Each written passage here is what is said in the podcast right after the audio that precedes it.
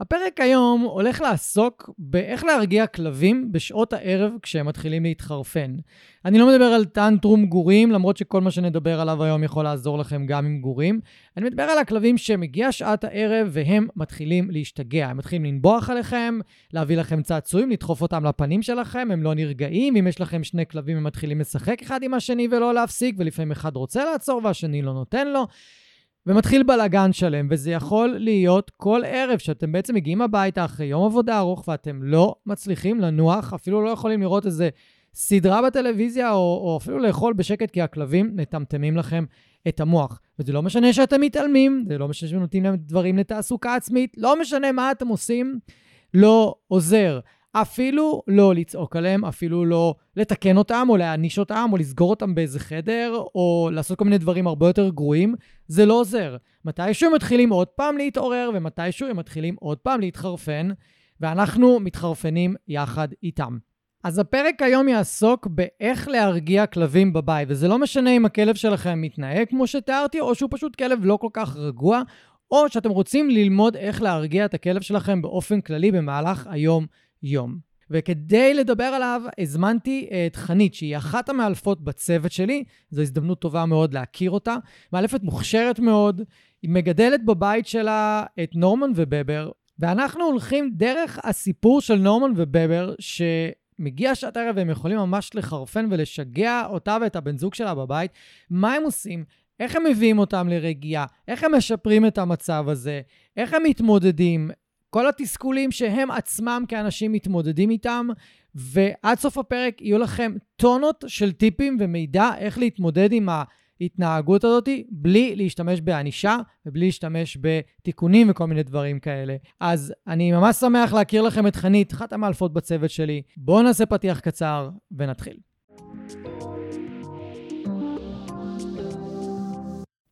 ברוכים הבאים לפודקאסט מחשבות של כלב. שמי גיא תיכון, ואני עוזר לבעלי כלבים להתגבר על בעיות התנהגות מורכבות עם הכלבים שלהם בשיטות המבוססות על תגמולים וחיזוקים בלבד. אני מאמין שחשוב לגדל ולאלף כלבים כיום בראייה הוליסטית, ולא מספיק לגדל אותם בראייה התנהגותית בלבד.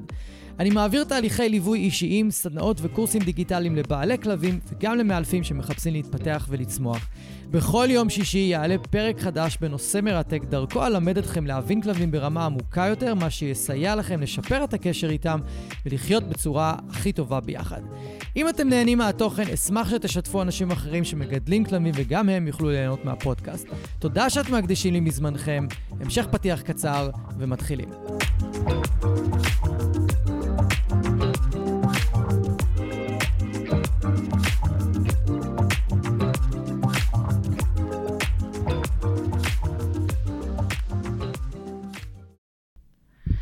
חנית, ברוכה הבאה לפודקאסט. היי.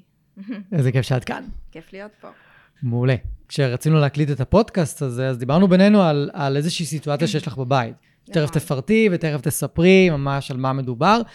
שהסיטואציה שפשוט חסרה רגיעה אצלך בבית מבחינת הכלבים, נורמן ובבר. תכף גם תספרי עליהם וממש ניכנס ל, לעניינים בצורה אה, מסודרת. אז קודם כל, אני אשמח שבכלל תספרי קצת עליהם, על נורמן ובבר, ואיך הם הגיעו אלייך, ומה הבעיות הכלליות שכזה היו לך איתם בבית, שקשורות לרגיעה. בוא נשמע אה, קצת. אוקיי, אז אה, בבר ונורמן, שני פיטבולים סופר חמודים. אה, את בבר אימצנו בגיל בוגר, עם הרבה הרבה בעיות התנהגות, העבר שלו לא ברור, והוא הגיע אלינו מאוד ריאקטיבי, מאוד תוקפני. אה, ממש אימת השכונה, אפשר להגיד. אה, עבדנו איתו המון, אה, ועכשיו הוא במצב הרבה יותר טוב, ואני אפילו יכולה להגיד שאחרי כמה שנים שהוא אצלנו, אני ממש מרגישה בחצי שנה האחרונה עוד איזה עליית מדרגה בהתנהגות שלו, ברוגע שלו דווקא בחוץ, ביכולת שלו להתמודד עם, עם כל מיני גירויים ודברים שמפחידים אותו. והוא חמוד ומדהים. ונורמן, נורמן הוא הכלב של בבר. בבר רצה כלב, אז הבאנו את נורמן. הוא גם אה, פיטבול, כמו שאמרתי, אה, מאוד גורי, מאוד חמוד, אה, מאוד ההפך מבבר, שזה משהו שאם היינו יודעים לפני זה, לא בטוח שזה היה ההחלטה הכי חכמה, אבל אנרגיות הפוכות ואופי שונה, אבל הם מאוד מאוד אוהבים אחד את השני, מאוד מסתדרים. אה, למזלנו, בעיות ההתנהגות של אה, אה, נורמן, כמובן שיש, תמיד יש בעיות התנהגות, אז הבעיות שלו הם, אה, הם אה, לא ריאקטיביות, הוא סופר חברותי, הוא אוהב את כל הכלבים, את כל האנשים, אבל הוא גם מאוד מאוד אוהב לצוד חתולים, ככה מתחת למכוניות, זה משהו שמאוד קשה לקחת לו. אה, הוא קופץ על אנשים מהתרגשות, זה בגדול. והבעיה העיקרית שכרגע אנחנו מתמודדים איתה, זה באמת הרגיעה בבית, אה, בעיקר בערב, בשעות הערב, אה, אצלנו לא רגוע, אה, יש בלאגן. כן, ש, שמה זה אומר? תתארי איך זה נראה.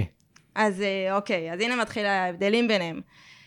חוסר רגיעה מתבטא אצלם בשתי דרכים שונות, ממש שונות. בבר כשהוא לא רגוע, הוא נכנס למצב בבר ימציק. Mm-hmm. הוא פשוט עומד מולנו, נוהם עלינו. מיילל, לא הצליח, הוא נובח, לא הצליח, הוא נובח יותר חזק, לא הצליח, הוא נשכב ומתוסכל, ולא הצליח, הוא שוב מיילל, וחוזרים את כל המעגל הכיפי הזה. אז אה, אני, אני רגע אכניס כן. כאן משהו קטן. בטח. כי בטח הרבה אנשים שמקשיבים, אולי גם ביניהם מאלפים, אומרים, אז תתעלמי, מה כן. הבעיה? הוא יפסיק, כן. אם לא תתייחסו, כאילו, אז תתעלמו. נכון. קודם כל, התעלמות זה לחלוטין איזושהי דרך שאנחנו נוקטים כן. בה. פשוט התעלמות היא לא תמיד הדבר הכי נכון לעשות, כי אם למעשה יש פה איזשהו צורך שהכלב... חסר לו איזשהו צורך שאני יכולה לספק, או אז אם אני מתעלמת, בעצם מה אני עושה, מה, איך אני מתנהגת בעצם לבן משפחה שלי, לכלב הזה, שהוא צריך ממני משהו, ואני לא נותנת לו מענה. Mm-hmm. עכשיו, לא תמיד יש לי מענה לתת, זה נכון, וכשאין לי מענה, אני מודה, אני גם נוקטת בשיטת ההתעלמות, וזו שיטה שהיא נכונה, פשוט היא נכונה בנקודות מאוד מסוימות. צריך לדעת מתי אנחנו מתעלמים ומתי אנחנו לא מתעלמים. כאילו, כי אם, אם אתם תנסו להתעלם בנקודה שכרגע לא עובדת, אז מה, מה היה יכול לקרות? אמ, אני משאירה פה כלב, בוא ניקח דוגמה שקל להבין, כואבת לו הבטן. אם כואבת לו הבטן והוא צריך קקי ואני התעלמתי, יכלתי פשוט להוציא אותו לטיול שיעשה קקי וסיימתי את הסצנה, אבל גם נתתי פתרון לכלב. Mm-hmm. סתם להתעלם, לא פתרתי לו את הבעיה. אולי mm-hmm. פתרתי לי את הבעיה, כי אולי גם רוב הסיכויים שהוא לא היה אה, מפריע להציק נורא מהר, זה היה לוקח הרבה זמן. אה, ובסוף הוא היה נרגע כי אין לו פתרון, אבל אני רוצה לתת פתרון לכלבים mm-hmm. שלי, אני רוצה לעזור להם. Mm-hmm. אבל היו פעמים, נגיד, שהתעלמתם וזה רק החמיר את ההתנהגות שלו? זה רק החמיר את הרצון שלו למה שזה לא יהיה? אמ, ההחמרה היא באה לידי ביטוי במה שתיארתי קודם, שזה הגלגל הזה, שזה מתחיל מבכיינות, נעימות ועולה לנביחות, אז כן, זאת החמרה. כשאני נוקטת בשיטה הזאת של ההתעלמות, שוב, בנקודות ספציפיות, אז לא, אנחנו לא רואים החמרה, אנחנו רואים דווקא שיפור. Mm-hmm. מן הסתם הכלב אה, מתוגמל בצורה כזו או אחרת על מה שהוא עושה, אז אם אני בעצם מתגמלת אותו על, ה, על ההתנהגות הזאת, על הנביחות עליי, אז ברור שהוא יעשה את זה יותר, ואם אני אתעלם הוא יעשה את זה פחות, אבל שוב, זה מאוד תלוי מצב של מה קורה באותו רגע. כן, אולי שווה גם להגיד בנקודה הזאת שהתעלמות היא טריקית מאוד. זאת אומרת, מי שבוחר להשתמש בהתעלמות, הוא לא יכול להגיד, טוב, אני מתעלם עכשיו חמש דקות, ואז הוא נשבר, ו... ואז לקום ולהתייחס לכלב. נכון. זה לא התעלמות, זה אז... פשוט ללמד את הכלב, בוא תתמיד בלהציק לי, אני בסוף יקום. לגמרי, אז זה רק מגביר. בדיוק. אה, אז זה משהו שאנחנו לא עושים חד משמעית. אה, כן, יש לנו איזשהו פתרון, אני מודה שאני לא אוהבת אותו, אבל זה איזשהו פתרון שכשההצקה, הנביחות, מה שקורה באותו רגע מאוד מאוד מתגבר, וזה משהו שאני לא מסוגלת לעמוד בו, אני פשוט קמה והולכת לחדר. וממש היו לילות שאני והבן זוג שלי ישבנו וראינו טלוויזיה בסלון, ולא יכלנו, אה, לא יכלנו להחזיק את עצמנו מלגשת אליהם, אז פשוט קמנו והלכנו לחדר. אה, וזה אחריות שלנו בעיניי. כאילו, כן. אם אני לא מצליחה להתאפק, אז אני מתרחקת משם. לגמרי, אני חושב שזה פתרון או דרך התמודדות די טובה, במיוחד לאנשים, או במיוחד במצבים שאנשים מרגישים שעוד שנייה הם קמים ומורידים איזה כיסא לכלב. לגמרי. כי, ולמנוע את המצב הזה של הכעס, למנוע את המצב הזה של העצבים והתסכול שפשוט יופנו יופנו כלפיו. נכון. ובאמת יש מקרים שזה עובד מצוין, לקום וללכת לחדר, וכמו כל דבר שאנחנו אומרים לעשות עם הכלב, לא תמיד זה, זה יתאים. אז אה, באמת צריך לבחור מתי זה, מתי זה עובד, והדרך לבד, לבחור זה בלבדוק. נכון. לבדוק אם זה עובד או לא, ואיך הכלב מגיב. וכאילו כשעושים את זה, אז לבוא ממקום של חקירה. ולא. ממקום של, אני יודע, זה אמור לעבוד ככה, זה אמור לעבוד ככה. או-הו. לא, אנחנו לא באמת יודעים. עכשיו, אני אחזור שנייה לעניין של ההתעלמות, כדי לעשות איזשהו סדר ל... לאנשים, שהתעלמות מבחינתי זה משהו שהוא די שחור לבן. אין אפור באמצע. או שאני מתעלם או שלא. לגמרי. אין אפור. אז אם עכשיו בחרתי להתעלם, זה אומר אין מגע, אין קשר עין, אין דיבור. ואני אפילו בתחילת ההתעלמות, אני אגיד לכלב, אני אתן לו אות שאומר לו שאני כרגע לא עומד להתייחס. ואז אני חייב לראות שבאמת יש ירידה ב... בתגובתיות שלו, בהתנהגות שלו, שבאמת ההתעלמות מכוונת אותו ללכת להעסיק את עצמו, להירגע, ו... אבל אם לא, אני רואה אסקלציה, אז או שההתעלמות רק מתסכלת אותו עוד יותר, או שאני לא עושה אותה בצורה נכונה. נכון. לא, לא ניכנס כרגע בדיוק ל... לאיך עושים את זה, אבל חשוב להבין שהתעלמות היא כלי שיכול לעזור ויכול ממש גם להרע מצבים. וזה ו- קשה לפעמים להתעלם. זה מאוד קשה מאוד להתעלם, קשה. במיוחד אם הכלב מתחיל לה, להפנות את האי שקט שלו אלינו. נשיכות וקפיצות, ומתחיל לעלות עלינו ולנבוח לנו על האוזן, ויכול ויכול להיות שהוא ילך להרוס משהו, יכול להיות שהוא ילך בדיוק לחדר השינה, כי הוא יודע שאם עכשיו אני עולה על המיטה ומתחיל לקרוע לכם את, ה, את השמיכה, אז כולם יבואו אליי. כולם באים. נכון, בדיוק. נכון. אה, ואז כאילו זה מוביל לאיזה משהו אחר. אז באמת, צריך להיזהר עם התעלמות. צריך נכון. לדעת באמת מתי לעשות אותה, ואני... זה טוב שאמרת שיש פעמים שבאמת אפשר להשתמש, פעמים שאי אפשר להשתמש, צריך לזהות. ממש לזהות. אולי נוכל להיכנס לזה תוך כדי, מהמם. למתי אה, כן. אנחנו לא יכולים לזהות. אז זה היה על בבר. זה היה נכון? בבר. זה היה בבר. נורמן, היא- יש לו אה, המון המון אנרגיה. אה, ומה שהוא עושה, אה, זה ה favorite שלו, הוא לוקח צעצועים, אה, עולה על הספה וממש דוחף לנו את הצעצועים לפ- לפנים. מאוד מאוד לא נעים. אה, מן הסתם הוא התחיל לשים לנו אותם ליד היד, אבל לא שיתפנו פעולה, אז הוא ככה הלך למקום שיהיה לנו יותר קשה להתעלם, וזה באמת נורא קשה להתעלם. אה, וגם להסיט אותו ברגע שאני לוקחת את הצעצוע כדי שהוא לא ידחוף לי אותו לפנים, זה בעצם כבר התחלה של משחק. כי הנה, לקחתי כן. את הצעצוע ותגמלתי אותו. נכון. אז... אה, מספיק שנגענו בצעצוע. לגמרי. אז, אז פה ההתעלמות היא עוד יותר קשה, כי זה ממש פיזי, זה לא רק להחזיק את עצמי, אני חזקה, אני לא, לא אגיד, אני לא אסתכל, זה ממש משהו פיזי שנוגע בי, וזה לא נעים לי.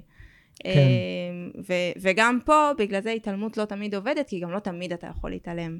הנה, במקרה הזה זה מאוד מאוד קשה להתעלם. כן, נורא תלוי מי, מי יותר מתמיד, אנחנו או הכלב. נכון. לא רק באותו רגע, גם ביום למחרת. לגמרי, עקביות מאוד חשובה. כן. מה, מה הבעיה בעצם לקום, לשחק עם הכלב, ואז אולי הוא יהיה רגוע? כאילו, מה הבעיה בזה מבחינתך? אה, ניסינו. אה, זה מה שאנחנו חשבנו בהתחלה שיעבוד. אה, איך זה היה נראה? זה היה נראה שיש פה עודף אנרגיה. צריך לפרוק את האנרגיה הזאת, לתת לה להשתחרר לאנשהו, והנה, אחרי זה נקבל רגיעה. וזה לא קורה. אה, יותר מזה, אה, אנחנו חשבנו שאם אנחנו נעשה, אה, הם שוב, הם שני כלבים גדולים, אחד אה, 35 קילו, קרוב ל-40 כבר עכשיו, השני 30 קילו. פיטבולים, כולם שרירים, כל מה שאנחנו יודעים, צריך לפרוק להם אנרגיה. אז אה, היינו עושים להם טיול בערב של שעה, אבל קילומטרים, הולכים מהר, קדימה, רצים, רצים, אנחנו רוצים שתלכו, שתפרקו את כל האנרגיה שיש לכם, כדי שתגיעו הביתה ותהיו עייפים ותלכו לישון. והיינו חוזרים הביתה, והכלבים לא עייפים, לא הולכים לישון. אז נכון, יש איזושהי רגיעה מיד אחרי הטיול, הם מיד אחרי הטיול הולכים, שותים, נשכבים, אבל אחרי חצי שעה מתעוררים, כאילו לא הלכנו היום, ויאללה, צחקו איתי. אה, אז אה, זה לא תמיד פותר, אה, מה שאנחנו... רגע, אולי שנייה אוקיי. נחדד את הנקודה הזו, שמתי בעצם האי שקט שלהם קורה בבית? אוקיי, אז זה גם אה, אה, מאוד חשוב, כי אצלנו עד השעה 5-6 יש שקט בבית. הם שניהם ישנים על הספות או איפה שנוח להם. אה, יש רוגע, כן, אם אנחנו עכשיו נמצאים אה, אה, במקרה, אנחנו לא בעבודה ואנחנו בצהריים בבית ורואים טלוויזיה, אז כן יש אינטרק, אינטראקציה איתנו, אבל זה ממש לא חוסר רגיעה. יש אינטראקציה בריאה. אה, החוסר רגיעה מגיע באזור 6, 7, 5, 6, 7, אה, אם אנחנו בבית, אם אנחנו לא בבית, דרך אגב, הם רגועים, אנחנו מסתכלים במצלמה, אז זה לחלוטין קשור אלינו. אה, רק מספיק שהם היו מסתכלים דרך המצלמה חזרה ועושים לכם חכו חכו. לגמרי, לגמרי. אה, ואז אנחנו לוקחים אותם לטיול ערב, הם כמובן גם מקבלים טיול בוקר וצהריים, אבל יותר קצרים, וטיול ערב ארוך, וחוזרים הביתה, ו... הכל מתחיל. הכל מתחיל, כן. שבעצם בבר נובח כן. ומציק, מציק. נורמן בא ודוחף צעצועים כן, לפרצוף, צחקו איתי, צחקו איתי. ואז בטח גם יש ביניהם אינטראקציה כן. באיזושהי צורה, כן, ואתם בעצם לא יכולים לשבת על הספה, לראות סרט, לא, לאכול, וכאילו, אין לכם ערב שקט. אין ערב שקט. וזה ככה כל ערב. עכשיו כבר יש, אבל כן, כן, כן. אנחנו מדברים על מה שהיה. כן, אבל- מה שהיה, אין ערב שקט. ולא היה לכם ערבים שקטים. לא היה, זה היה אפילו עד כדי כך שהיינו כבר בטיול ערב, אנחנו שנינו עייפים, אחרי יום עבודה, עושים טיול, משקיעים בהם שעה הליכה, אנחנו כן. לא מחפפים. כן. ותוך כדי הטיול, סליחה, אני זוכרת שהיינו מדברים ואומרים, יואו, אני כל כך מת לנוח עכשיו, אני כל כך רוצה לשבת לראות טלוויזיה, ואני כבר יודעת שזה לא יקרה. אני יודעת שחצי שעה אחרי שנחזור מהטיול, הם יתחילו להציק לנו. ו- ופשוט לא היה, גם בנו לא היה שקט, כי נורא רצינו את המנוחה שלנו בערב. בטח, כן, ברור. כן. אני מתקשה מאוד לדמיין את הסיטואציה הזאת אה, עבור עצמי, בתור מישהו שמגיע הביתה, נגיד, מיום עבודה של שיעורים וזה וזה וזה, ולהגיע הביתה עכשיו לבלגן, מהמם. שאני צריך כל הזמן להתמודד איתו. כן, וואו, כן. זה מעלה אצלי סטרס כרגע אפילו, לגמרי. רק לדמיין את זה. אה, אז אני יכול לדמיין כאילו מה זה, מה זה, עשה, מה זה עשה לכם. אה, אוקיי, אז איך בכל זאת מת, מתמודדים עם, עם דבר כזה? אמ, אז אנחנו, קודם כל זה תמיד מתחיל בנקודת שבירה. היה ערב אחד שאמרנו, די, ככה אי אפשר לחיות. אנחנו חייבים להתחיל לעשות משהו, וזאת המוטיבציה האמיתית והמוטיבציה החזקה ביותר. אמ, של לרצות לשנות. לרצות לשנות, ממש רצינו, לש... הייתה בנו הבנה, כל ערב לפני זה, זה היה פשוט, אוי, איזה באסה, אוי, איזה מציקים, נו, אני רוצה לנוח. אבל לא היה באמת רצון אמיתי לשנות. אם היה, אם היה כבר היינו משנים. הנה, ועובדה שזה הגיע יום אחד, והסתכלנו אחד על השני ואמרנו, זהו, זה מפסיק, אנחנו חייבים לטפל בזה. זה לא הפסיק למחרת, אבל התחלנו, באותו ערב התחיל אצלנו התהליך. התהליך של ללכת ולפתור את העניין הזה. ולאפשר לנו רוגע, ולאפשר גם להם רוגע. גם מהמם. להם לא כיף בתשע, עשר בלילה להסתובב בטח. בסלון ולחפש מה לעשות. בטח. אמ, אגב, אה, בבר היה רגוע בבית בערבים לפני שנורמן הגיע? לא, בבר, אה, כבר כשקיבלנו אותו, אה, אני זוכרת שיומיים אחרי שהוא היה אצלנו, כבר בערב התחיל הנהימות, אה, נעימות כאלה של תשומת לב, ויחס. פשוט לפני שנורמן הגיע, יכלנו להתמודד עם זה. כי זה, זה רק כלב אחד, מהמם. והיינו הולכים ומלטפים אותו, וקמים וחוזרים, ומביאים עוד צעצוע, ומביאים עוד איזה משהו לליסה, ובסוף הוא היה נרגע. בדיעבד, כשאני מסתכלת על החיים האלו, הם גם לא היו רגועים. כן. זה פשוט משהו שלא גרם לי לעשות את המפנה הזה ולהגיד, אני הולכת לטפל בזה. כן, זה עוד, לא היה... זה, זה עוד לא היה מספיק אה, מאתגר או בעייתי, או... כן. כן. בדרך כלל שיש בעיות כאלה שמביאים עוד כלב, זה מגביר אותן. נכון, מגביר מאוד, הם בקלות יכולים לשאוב את הכלב החדש. כן. ואנחנו לא קיבלנו כלב רגוע, קיבלנו עוד כלב שמוסיף לחוסר רוגע. אז כן. בכלל זה העלה את זה. לגמרי. ומה מה, מה יכול לגרום לאי שקט אצל כלבים בכללי, כאילו מבחינתך? איזה, איזה אה, גורמים יש? אוקיי, אז תמיד, תמיד, תמיד, אני תמיד הולכת קודם כל ל- למצב הפיזי שלהם. אה, מאוד אה, שכיח אצל כלבים שכואבת להם הבטן. כואבת להם הבטן, הם באים להציק, הם לא רגועים. אה, יכול להיות עוד כאבים, כאבי מפרקים, אורתופדיה, אה, כל דבר אחר שיכול להציק להם, אולי סתם יש להם בחילה, זה גם קורה, או, או ש... שאולי הם צריכים לצאת לטיול. אה, אבל תמיד אני הולכת קודם כל למקום הפיזי. אה, קודם כל לפתור בעיות שגם קל לפתור בינינו. אה, כן, כאילו- בהנחה ועולים עליהן. בהנחה ועולים עליהם, כן, אבל דווקא בעיות פיזיות זה משהו שאני אשכרה יכולה לעשות איתו משהו. מהמם. חוץ מזה, אמ, מה שאני חושבת אה, לגבי רגיעה בבית זה הרבה הרבה מתח שנצבר במהלך היום, והוא מהמם. לא מוצא אמ, מקום לפריקה, להשתחרר, ואז אנחנו מגיעים לתשע עשר בלילה עם כל המתח הזה, ועכשיו הוא צריך לצאת איכשהו. מה ש... עוד יותר עצוב זה שלא באמת אפשר להוציא להם את המתח הזה בסלון בתשע בלילה, בעשר נכון. בלילה. אין לי דרכים. זה לא הזמן לפרוק מתח. לא כן. כשאני עייפה, לא כשהם כבר עברו את הגבול, מתח צריך להתפרק לפני זה. כן. אה, וזה גם חלק מהתהליך שלנו איתם. נכון, וזה גם משהו, אה, איזשהו אספקט בטיפולים שאנחנו מעבירים לבעלי כלבים, שאנחנו מאוד מאוד שמים עליו דגש, כי אנחנו רוצים לראות על ההתחלה, כבר במפגש הראשון, באבחון, אנחנו רוצים לראות, אוקיי, מה גורמי סטרס של הכלב ביום-יום, גם אם הוא לא איזה כלב סופר סטרסי, אבל כי אנחנו יודעים שזה יכול להיבנות ולהצטבר ולעשות נזק בהמשך. אז נכון, מה גורמי סטרס, מה, איך אפשר לפרוק את זה, נכון. יש פרק, יש פרק שלם על, על, פעיל, על פעילויות פורקות סטרס עבור הכלב, וגם מה ההבדל בין, בין, בין פריקת סטרס לפריקת אה, אנרגיה, יש הבדל מאוד גדול.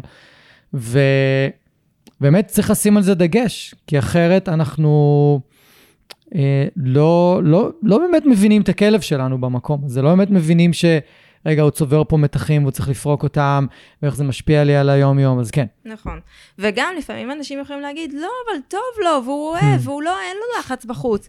אבל אם ניקח את בבר ונורמן, אז בבר מאוד ברור מאיפה הוא מקבל את הלחצים שלו, אוקיי? הוא ריאקטיבי, הוא מפחד מכלבים, מפחד מאנשים, אוקיי, אז ברור שהוא צובר מתח. אבל נורמן, נורמן חברותי ואוהב כלבים ואוהב אנשים, אבל גם כל מפגש עם כלב, אפילו שהוא חברותי, צובר איזשהו מתח.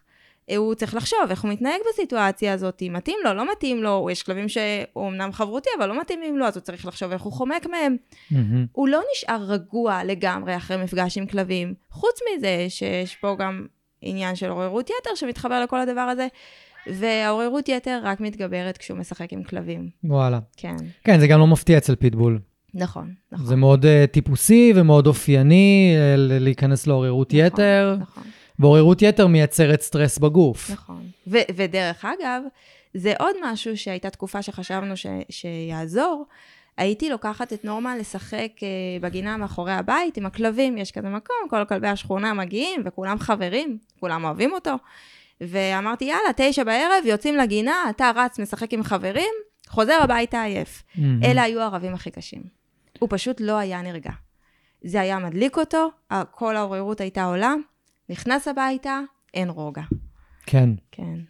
זה מזכיר לי כלב שליוויתי אותם ב- במרכז תל אביב, והם היו עושים טיולים עם הכלב, לא טיולים, הם היו לוקחים אותו לגינת כלבים ב...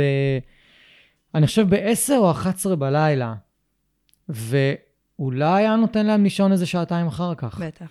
ופשוט אמרתי להם, אז תפסיקו, כן. תיקחו אותו לשחק עם כלבים כן. ב-11 בלילה, כי הם היו אומרים שהם היו צריכים לשכנע אותו לצאת, כי בראש שלהם, אולי כדאי שנזרוק כמה מילים על זה, הוא צריך לפרוק אנרגיה, הוא חייב לצאת, הוא חייב, ובלילה הוא לא כל כך רצה, זה גם כלב לחוץ, שמפחד מאינטראקציות עם כלבים, ו... אמרתי לו, אוקיי, אז פשוט תפסיקו. תעשו לו טיול קצר בערב, תגידו לו גם שזה רק, שהוא רק יורד לפיפי כדי שהוא לא יתנגד. כדי שהוא יבין שזה רק זה. ואת הטיולי ערב עם כלבים, או שזה יהיה בבוקר, או שזה יהיה ערב מוקדם, שש, שבע, נכון. כאילו לא מעבר לזה. לתת לו קצת זמן להירגע מה... בדיוק, מהפעילות הזאת. מהאדרנלין שעלה. והמתח שהצטבר. והם עשו את זה, ולמחרת כבר הוא לא, הוא לא הציק נכון. להם בלילה. נכון. כאילו זה, השינוי היה מיידי ב- במקרה של הכלב הזה. מדהים, כן, מדהים. כאילו, וגם ככה עוד איזה טיפ קטן, אנחנו כבר נכניס פה, שאחרי גינת כלבים, תמיד, גם בצהריים, לא משנה מתי אני לוקחת, אחרי כזאת פעילות, אני תמיד לוקחת אחרי זה לטיול רגיעה. כן. טיול שאני לא יכולה לעלות ישר מהמשחק הביתה. ברור שיגיע אליי כלב לא רגוע כן. הביתה. זהו, יש כלבים שזה כן יעזור להם, אבל בדרך כלל זה כלבים מאוד מבוסתים רגשית, והם לא צוברים מתחים מהפעילות הזאת, אלא הם באמת נטו במשחק ונטו פורקים אנרגיה. מהמם. באמת צריך לעשות הפרדה של אם הכלב הוא כזה שאוגר סטרס באופן טבעי, כן, כמוני למשל, אז הוא צריך יותר, אה, יותר פעילות מרגיעה כן. במהלך היום, אחרת כן. באמת יהיה לו, יהיה לו קשה. ובואי בוא רגע נסביר, מה זה רגיעה בכלל? או, אנשים לא... אני שמתי לב שמלא בעלי כלבים לא באמת יודעים מה זה רגיעה. נכון. וכאילו צריך להסביר את זה רגע. אז אה, יש איך שרגיעה נראית. מהמם. אה, רגיעה נראית, אה, כלב שוכב, ראש מונח על הרצפה, אה, לא עושה פעילות אחרת, נראה רגוע. ויש רוגע אמיתי. רוגע אמיתי זה למעשה, אה, מבחינה פיזיולוגית, יש פה רוגע לכלב, קצב הנשימות שלו נמוך, לחץ הדם הוא רגיל, קצב הלב רגיל, נמוך מהמם. הכוונה. כן? אנחנו רוצים ממש רוגע אמיתי. אה, וזה דרך אגב גם משהו שאנחנו ככה קצת אה, אה, משפרים לאחרונה, כי נורמן נורא יודע איך להראות לנו רוגע ולא להיות רגוע. כן. הוא שוכב, הוא שם את הראש על הרצפה, אבל הכלב לא רגוע. מהמם. אתה רואה את הבטן שלו עולה ויורדת, נשימות מהמם. מאוד מאוד לא אופייניות. לא חם, יש מזגן, אתה לא רצת עכשיו, אין שום סיבה שתתנשם בכבדות. הוא פשוט לא רגוע. כן, נשימות נשימות שטחיות של אי שקט. כן. כאילו, כן. אם, אם בן אדם שנייה יהיה יותר נוכח בגוף שלו, במצב של לחץ, הוא יראה שהנשימות שלו מאוד שטחיות, מאוד מהירות, הן לא נשימות עמוקות נכון. אה, לגמרי. אז נכון, אם, אם צריך כזה לתת איזה משפט שאני מאוד אוהב בהקשר הזה, זה שרוגע זה לא התנהגות, רוגע זה מצב פיזיולוגי. נכון. שצריך שהדופק, הנשימות, הלחץ דם, האישונים צריכים להיות מכווצים, לא מורחבים, כאילו, יש, יש טונוס שרירים מסוים לרוגע, הכלב לא יכול להיות כולו מכווץ. נכון. צריך להיות רפוי, אם אני מזיז את הכלב, הוא נוזלי כזה, הוא זז כמו, כאילו, המים זזים בפנים. נכון. לא שהכל עכשיו uh, מכווץ. Uh, וזה רוגע באמת אמיתי. וכדי להגיע אליו, אז אנחנו לא בהכרח נגיע לזה מפריקת אנרגיה. לא חד בהכרח. משמעית, כן. אה, אוקיי, אז אמרנו שדברים שיכולים לגרום לאי שקט, זה יכול להיות מצב פיזיולוגי, זה יכול להיות מצב בריאותי כלשהו, כאבים, נכון. יכול להיות כאבי בטן, כאבי שרירים, אני מתחיל לגלות יותר ויותר כלבים כאבי צוואר ועמוד שדרה, אה, ששם מאוד קל לפספס את זה, כי לא כל כך נוגעים שם, וזה. רוני רק ביום אה, ראשון שעבר, שהיו לה כמה ימים של כאבים רציניים, שהעליתי לסטורי והראיתי, שאגב, תודה רבה לכל מי שהגיב חזרה ודאג לרוני, זה היה ממש ככה כיף לשמוע, כיף לקבל את, ה, את ההודעות האלה.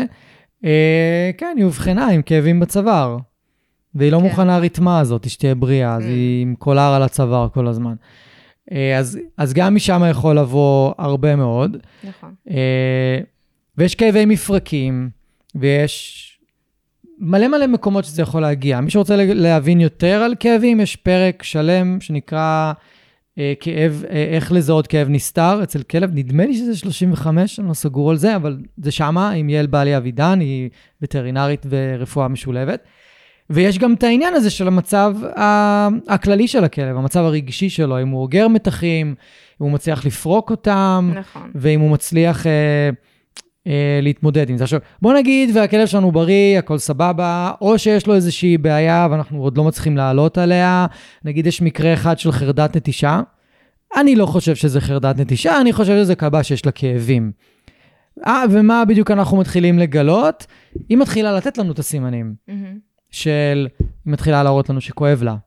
היא מתחילה לצפצף, מתחילה לייבב, היא מתחילה לקום ב- ב- ב- בקושי רב מהרצפה, והיא נראית לא טוב, ועכשיו הם כבר התחילו בירור, באמת גילו כאבים, ועכשיו צריך בירור של צילומים, כי יכול להיות שיש לה היפ דיספלזיה. אם יש לה היפ דיספלזיה וכואב לה וקשה לה לקום, כואב לה מאוד, זה יקשה עליה להישאר לבד, כאילו, הכל כזה מתחיל לקבל אה, תמונה נכון. יותר ויותר ברורה. אה, אבל בוא נגיד ואין את הדברים האלה. אז מה אתם עושים ביום-יום בשביל לפרוק להם מתחים? כאילו, מה הדברים אוקיי. שהם must והם חובה ו... ומה ששמתם לב שעוזר לכם? אוקיי. אז, אז קודם כל, רגע לפני אני אגיד, אה, פריקת אנרגיה זו לא מילה גסה. כלבים צריכים לא, לפרוק ברור. אנרגיה, בטח. אה, והם צריכים לקבל את, אה, את הטיולים שלהם, שלושה טיולים ביום, אם אפשר ארבעה, הם צריכים את זה. אבל בצורה הזאת אני לא פורקת להם מתח, כשאני רק הולכת איתם ברחוב. אה, השינוי שעשה אצלנו, השינוי שאנחנו עשינו, ועשה השינוי הכי אה, גדול בבית, וזה גם הייתה התחלה של השינוי של הרגיעה בערב, זה למעשה לשנות את האופי של הטיולים. אז כמו שאמרתי לפני זה, אה, היינו אה, עושים ככה סופרים קילומטרים, העיקר. ללכת ללכת, יש לנו שעה, תלכו כמה שיותר, היום הטיול שלנו נראה אחרת לגמרי.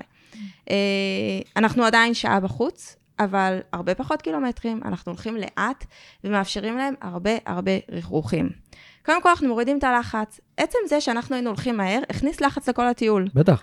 לחץ, רגוע, הולכים, בכיף. הטיול זה הטיול שלהם, זה לא הטיול שלנו. אנחנו, דרך אגב, גם, אנחנו מחזיקים ביד אה, שני כלבים מאוד חזקים, אנחנו לא, יכול, לא יכולים להרשות לעצמנו להיות לא מרוכזים, אז אנחנו לא מדברים בטלפון, אנחנו לא שומעים מוזיקה, אנחנו פשוט עם הכלבים. ואנחנו נותנים להם ללכת וליהנות מהטיול. אז קודם כל, הורדנו לחץ עם הקצב. הדבר השני, אנחנו מאפשרים להם לרחרח כמה שהם רוצים. אלא אם כן יש שם משהו שאני לא, איזה רעל, או משהו שאני לא רוצה שהם יאכלו, משהו מאוד קריטי, או משהו ספציפי, רק אז אני לא אתן להם לגשת למקום מסוים לרחרח. במידה וזה במסלול שלנו, הם עומדים, הולכים ומרחחים כל הזמן. אמ, יותר מזה, אנחנו הולכים אה, בכוונה למדשאות. אנחנו גרים במרכז תל אביב, אין הרבה מקומות כן. מעניינים לרחרח, בסופו כן. של יום זה מדרכות וכניסות לבתים. אה, אז אנחנו ממש, כל פעם שאנחנו רואים איזושהי מדשאה, איזשהו אה, חתיכה, איזה, חתיכת אדמה, חתיכת ככה... שיח. שיח, כן, מה, ירוק, קצת יעלה. כן. אז uh, אנחנו הולכים לשם, ונשארים איתם במקום, ונותנים להם לרחרח בדשא. אז לא הלכנו. נכון, לא הלכנו. עמדנו חמש דקות. אבל הם רכרחו. אולי אה, נורמן ככה קצת השתכשך בדשא, הוא אוהב נורא לעשות את זה, להתגרד בדשא. אה, גם בבר אוהב לעשות את זה. נותנים להם רגע באמת להיות כלבים, כמו שאתה אומר. כן. אה, זה למדתי ממך, לתת לכלב להיות כלב. אה, ונותנים להם להיות כלבים, כי ברחוב הם לא יכולים להיות כלבים, ממש. כשאני הולכת עכשיו על, אה, על מדרכה צרה, הם לא יכולים עכשיו להישכב ולהתחכך במדרכה, זה לא מתאים. כן. אבל בדשא זה מתאים, ואני מאפשרת להם את הפריקה הזאת בתוך הטיולים. שזה הנושא הבא, קצת הפסקות בטיולים. הטיול זה לא מרתון, אנחנו בעצם העצירות האלה במדשאות, אנחנו מאפשרים להם גם איזושהי הפוגה מהרחוב. אה, הם כרגע לא צריכים להסתכל אם הם בא כלב, והם לא צריכים להתמודד עם מכוניות, הם לא צריכים להתמודד עם אנשים, אנחנו מרוחקים, אנחנו בקט... ב... אה, בטווח הרחוק יותר מהכביש, מהמם. ואנחנו נותנים להם קצת מנוחה, וזה גם קצת מקום שתוך כדי הטיול קצת פורקים סטרס. מה שאת אומרת, תכל'ס, זה שאתם לא מחכים להגיע הביתה בשביל לעבוד על הרוגע שלהם. לא. זאת אומרת, אתם במהלך היום עושים פעולות נכון. כדי שהערב יהיה יותר לגמרי. רגוע. אני, אני אומרת את זה חד משמעית, להתחיל לטפל בזה כשזה קורה, זה too late. ב- בעשר, כאילו באותו רגע, כן, באותו יום, בעשר, בעשר כשבבר בלילה. מתחיל לנבוח, זה לא הזמן לטפל ברגיעה. כן, גם... פה באמת יש לי רק להתעלם, ואנחנו נגיע כן. לזה, אבל, אבל המחשבה שלנו הייתה, בוא נמנע את זה בכלל, שהם לא יגיעו למקום הזה. כשהם יגיעו, נטפל, אבל בואו לא, בואו לא נביא אותם למקום הזה שיש להם סטרס ב-9-10 בלילה. שזה מה שנקרא לטפל בשורש הבעיה. כן. לחכות ל-10 בלילה, ואז שהכלב מתחיל לנבוח לי נכון, עליי, או משגע אותי, או דוחף לי צעצועים, או לא משנה מה הוא עושה, נכון. ואז אני מתעצבן עליו, והוא הולך ושוכב בצד. הלוואי והיה הולך ושוכב בצד. כן, הלוואי, אבל גם אנשים עושים דברים יותר גרועים מזה. כן, כן, זה זה לטפל בסימפטום. נכון, זה לא לתת לכלב באמת איזשהו פתרון נכון. ארוך טווח. כי הוא עדיין צריך להתמודד עם הלחץ שלו בתוך הגוף שלו, הוא פשוט עכשיו, מה שנקרא, אה, אה, אין לו מענה לזה. מדחיק את זה, כן. או נשאר עם זה, והוא לא באמת מקבל אה, איזשהו פתרון טוב. וזה יכול לצאת במקומות אחרים, זה יכול לצאת שאנחנו לא נהיה בבית. נכון, והדבר הכי גרוע, וזה ראיתי את זה קורה, במיוחד מי שיש לו שני כלבים. זה יכול לצאת על הכלב השני כשאנחנו לא בבית. ואני ראיתי את זה קורה מלא פעמים. מהמם. וזה נטו היה מסטרס. הנה סיפור מעניין. היום שמעתי אותו בבוקר. אוקיי, זוג שיש להם שתי כלבות, כלבה אחת הגיעה אליהם לפני שבעה חודשים בהיריון עם גורים. אוקיי. מ- מהמשפחה שלהם, שלא טיפלו בכלבה מספיק טוב, אה? היא הגיעה אליהם. הם, הם פגשו את המשפחה הזאת ב, בסוף, ב, לקראת הסוף שבוע, שבוע שעבר, מהמם. והכלבה ממש שמחה לראות אותם. אבל מצד שני, כשהם עזבו, הם פגשו אותם בפארק. כשהם עזבו, הם הלכו, היא נהייתה מאוד עצבנית. היא רצתה ללכת איתם. כן, סיפור ארוך שם, על אוקיי. הסיפור מורכב. והיא הייתה כזו לחוצה, שהיא תקפה את הכלבה בבית. אוי. כן, מהסטרס כן, ומהלחץ. כן, ואם יש לנו שני כלבים בבית, אנחנו לא יכולים לשחק עם זה. לגמרי. והנה עוד סיפור. קפץ לי עכשיו. מהמם. רוני וגילי, אה, רוני וגילי היו תקופה ביחד בבית, כאן. לא כאן, בדירה אחרת, ברמת גן, משהו כמו כמעט שנה. מהמם. ואיזה, יום אחד אני יוצא, מה, אני יוצא מהבית, ואני שומע את רוני נובחת, שאני יוצא מהבית, ואני, רוני? נובחת שאני יוצא מהבית? לא, לא זה. אבל נביחה אחת. והיא שתקה. אוקיי, נעקוב, לא יודע מה זה אומר. אז זה קרה עוד פעם. ואז בפעם השלישית או הרביעית, אוקיי, אני שם מצלמה. מה, מה קורה שם? נכון. ומה אני קולט במצלמה? מה אתה רואה? שרוני הולכת לנבוח על גילי, כי גילי שוכבת על הכרית שרוני אוהבת לשכב עליה, כשאני לא נמצא בבית. כן. כנראה נוצר איזה מתח בין רוני לגילי, מהמם. שלא קיבל ביטוי כשאני הייתי שם. כן, זה יצא כשאני לא הייתי. כן. המזל הוא שגילי היא לא כלבה שמחזירה על הכלבים שהיא חיה איתם בבית. מהמם. אז פשוט סידרתי את הסיטואציה אחרת, כל פעם שעזבתי את הבית זה פתר את זה ב-100%, באותו רגע. אבל הקטע זה שיש לנו שני כלבים בבית, או כמה חיות בבית, הם יכולים להוציא את המתח אחד על השני, נכון. בדיוק כמו בני אדם, כאילו, מה... זה כל כך אה, וזה אחריות טריוויאלי. שלנו למנוע את זה. לגמרי. כן. אוקיי, אז התחלת להגיד טיולי ריחוכים, קודם כל לטפל אה, במתח שהוא לא יצטבר, או לפחות לנסות למנוע את זה. נכון. אז חוץ מטיולי ריחוכים, אני גם כאילו שומע שעשיתם הפרדה בין טיולים פריקת אנרגיה לבין טיולים של רוגע, במידה מסוימת. נכון. אז גילינו עוד משהו מעניין. מהמם. אה, אנחנו אה, הבנו שבשביל לעזור לנורמה לפרוק מתח, אנחנו צריכים לשחק איתו משחקים מאוד אינטנסיביים. אנחנו לוקחים אותו לגינת כלבים ריקה, וזורקים לו פולרים, ועובדים איתו על איפוק מול צעצועים, אה, ובינתיים בבר יושב בצד ומחכה. Hmm. אה, והוא מתוסכל לראות Hmm. את נורמן משחק, אבל אז מגיע תורו, והוא משחק, ונורמן יושב בצד. ואחרי תקופה, פתאום התחלנו לשחזר, והבנו שהערבים עם הכי אה, פחות רגיעה בבית, הערבים הכי קשים, היו אותם ערבים שהלכנו לגינת כלבים ושיחקנו. עם שניהם. עם שניהם, ואני רק אחדד, מבחינת בבר. בבר היה הכי קשה בימים שבהם היינו בגינת כלבים. בבר צובר הרבה תסכול מלראות את נורמן משחק, ועם זאת, נורמן לא צובר הרבה תסכול מלראות את בבר משחק. מעניין. ומשהו עוד יותר מעניין, שבפועל, כשאתה, אם אתה תשב ותצפה בנו, אתה תראה שדווקא בבר מראה יותר איפוק במקום הזה, ונורמן מאוד קשה לו לחכות לבבר. זאת אומרת, שבבר משחק... לחכות לתור שלו. כן, כשבבר משחק, נורמן אה, יכול אה, לצווח, ואני גם רוצה, ולקפוץ, ו... אבל עם זאת, הוא לא צובר מזה מתח. ובבר יושב בסבלנות, כאילו בסבלנות, מהמם. אבל צובר מתח. משחק אותה רגועה. משחק אותה רגועה, כי הוא מגיע הביתה, ואז קשה לו. כי הוא צבר... אז מה עשינו? אז קודם כל אנחנו הבנו שאין ברירה, אי אפשר לקחת את בבר לשחק עם... לא, אי אפשר אה, לנצל את זה שהולכים כן. כן. לפרוק לנורמן מתח או אנרגיה, ולקחת את בבר איתנו. כן. אז פשוט המשחקים האלה עם נורמן עברו לשעת הצהריים, אני לוקחת אותו לבד, לשחק כשלא חם וכשאפשר, ובבר נשאר בבית. והטיולי ערב נשארים לטיולי ריחוכים, אנחנו לא יכולים לשלב בהם את המשחק הזה בגינה. מעניין.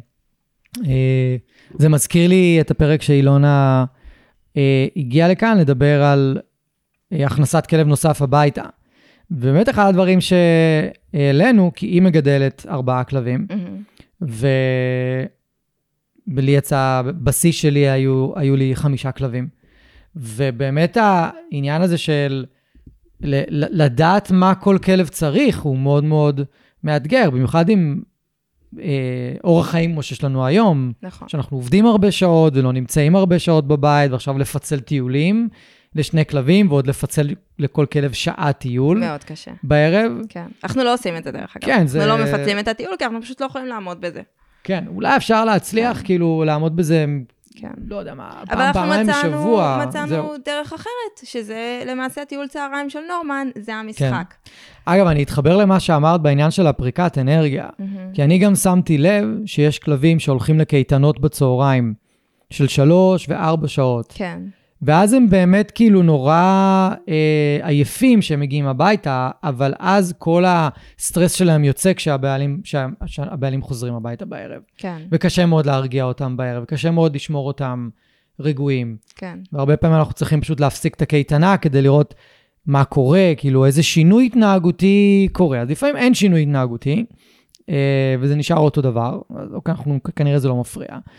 אה, וצריך לעשות את זה לפחות שבועיים, שלושה, כדי לראות מה ההשפעה. כן. ולפעמים אנחנו רואים, וואלה, לא טוב לכלב להיות שם, הוא אמנם משחק וזה, אבל נכון. זה לא משפיע עליו בצורה טובה, בדיוק כמו שתיארת, מהמם. ואת צריך לעשות שינויים. כן. צריך לעשות התאמות. כן. אז מה עוד אה, גיליתם שעוזר לכם לייצר יותר רוגע בבית? אוקיי, אז אנחנו אה, יצרנו איזשהו טקס של חזרה הביתה. אה, שהטקס הזה נראה ככה, אנחנו חוזרים מטיול. אה, פעם היינו ישר נותנים להם אוכל, איך שחוזרים מטיול. עכשיו אנחנו נותנים להם לנוח חצי שעה, ורק אז הם מקבלים את האוכל. אה, המנוחה הזאת היא קצת מאפשרת להם להוריד את האנרגיות, ואז הם ניגשים לפעילות חדשה שאני עכשיו אסביר אותה, אבל אני לא רוצה לתת להם את הפעילות הזאת ישר. מה הפעילות? למעשה אנחנו לוקחים את הארוחת ערב שלהם, ואנחנו לא עושים את זה עם כל הארוחות, רק עם ארוחת הערב, כי זה הנקודה הקשה אצלנו בבית, ואנחנו אה, עושים להם אה, ארוחת ערב ריחוחים. עכשיו, הכלבים שלי ספציפית אוכלים מאכלה טבעית, זאת אומרת שזה אוכל רך, ואני לא יכולה לפזר, לה, לפזר להם גרגירים כדי שהם ילכו לחפש, מהמם. אז אנחנו פשוט אה, לוקחים את אותה ארוחת ערב ומפזרים אותה בין צעצועי האכלה שונים, בנקודות שונות בחדר.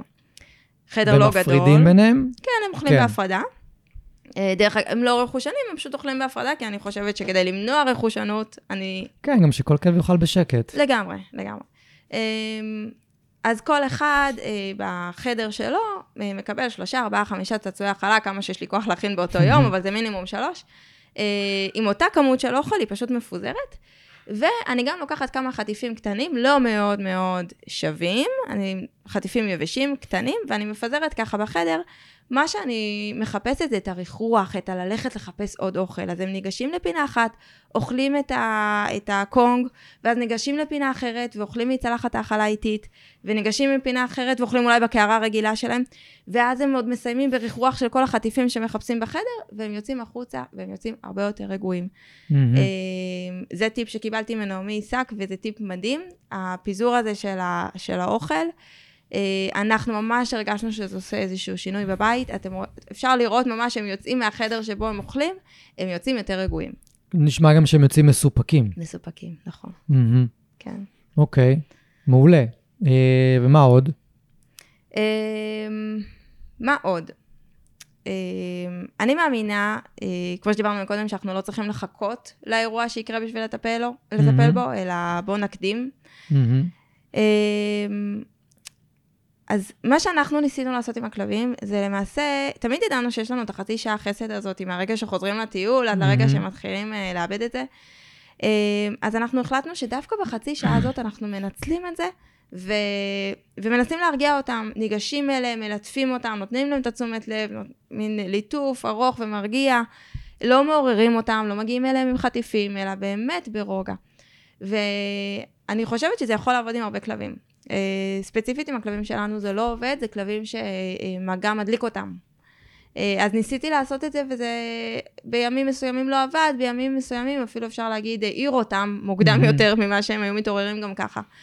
אה, אבל אני כן מאמינה שיש כלבים שאם תבואו ותלטפו אותם לפני שהם מתחילים את ה... את ה... להשתגע, אז, אז אפשר אולי למנוע את זה. להרגיע כבר לפני שמתחיל החוסר רוגע. אה, אז צריך לנסות, צריך אה, לראות מה מתאים לכלב, כל כלב הוא שונה, כל כלב מגע עושה לו משהו שונה, כלב עושה לו, אוכל עושה לו משהו שונה. אה, אולי הוא הכי מרגיע אותו להיות לבד. כן. אולי אפשר באמת לחדד כאן שאם אנחנו רוצים לתגמל רוגע, אז אנחנו באמת נחכה למצב שהכלב פשוט שוכב, או נשכב, או מניח את עצמו איפשהו, ואז האפשרויות שלנו זה או להניח לו, ואפילו, אני אומר הרבה פעמים לכלבים שמאוד מתקשים להירגע, אני פשוט אומר, אפילו תעמעמו אורות אם אתם יכולים, נכון. תורידו, סגרו חלונות, כאילו באמת, כמו שעושים עם תינוק. נכון. לפעמים זה יהיה זמני, ולפעמים יש בעיה עם הכלב. זה, זה סופר חריג, זה אחוז ממש קטן של כלבים שיש להם מה שנקרא היפרקינזיס, שזה אה, במילים אחרות היפראקטיביות, אז הם לא מסוגלים להירגע, הם חייבים חושך, חייבים כאילו... כן. זה אחוז מאוד קטן, זה ב-99 אחוז אין את זה לכלב שלכם. אה, אבל יש את אלה שבאמת אם נעשה איתם משהו, זה קצת יעיר אותם. נכון. אבל, ואז, ואז פשוט לא לגעת בהם. כן. פשוט לא לגעת בהם. מהמם. אבל יש את אלה שכן יכול לעזור להם לבוא ולהניח חטיף ליד האף, בזמן שהם שוכבים רגועים, ולהמשיך בעיסוקים שלנו. נכון, וזה אחלה של חיזוק רגיעה. נכון. ויש גם מי שזה יקים אותם. אבל אם זה יקים אותם בפעמים הראשונות, ואז הם אחר כך יקלטו את הפואנטה ויגידו, טוב, אין לי מה לקום אחריהם. כאילו, לא, לא קורה כלום. נכון. דווקא קורה כשאני שוכב. אז הם ימשיכו לשכב, ואז באמת אנחנו מתחילים לתגמל רגיעה. זה יכול לקחת חמש, עשר פעמים, לא יודע. אה, הנה נוגה הדגימה לנו מה זה חוסר רגיעה. כן. אה, ויש את אלה שבאמת מגע יכול לבוא ולעבוד בשבילם בסיטואציה הזאת, שהם שוכבים, אפשר לבוא ולתת להם מגע מסאז'יסטי כזה, ונעים, ולשבת איתם, ולהיות איתם.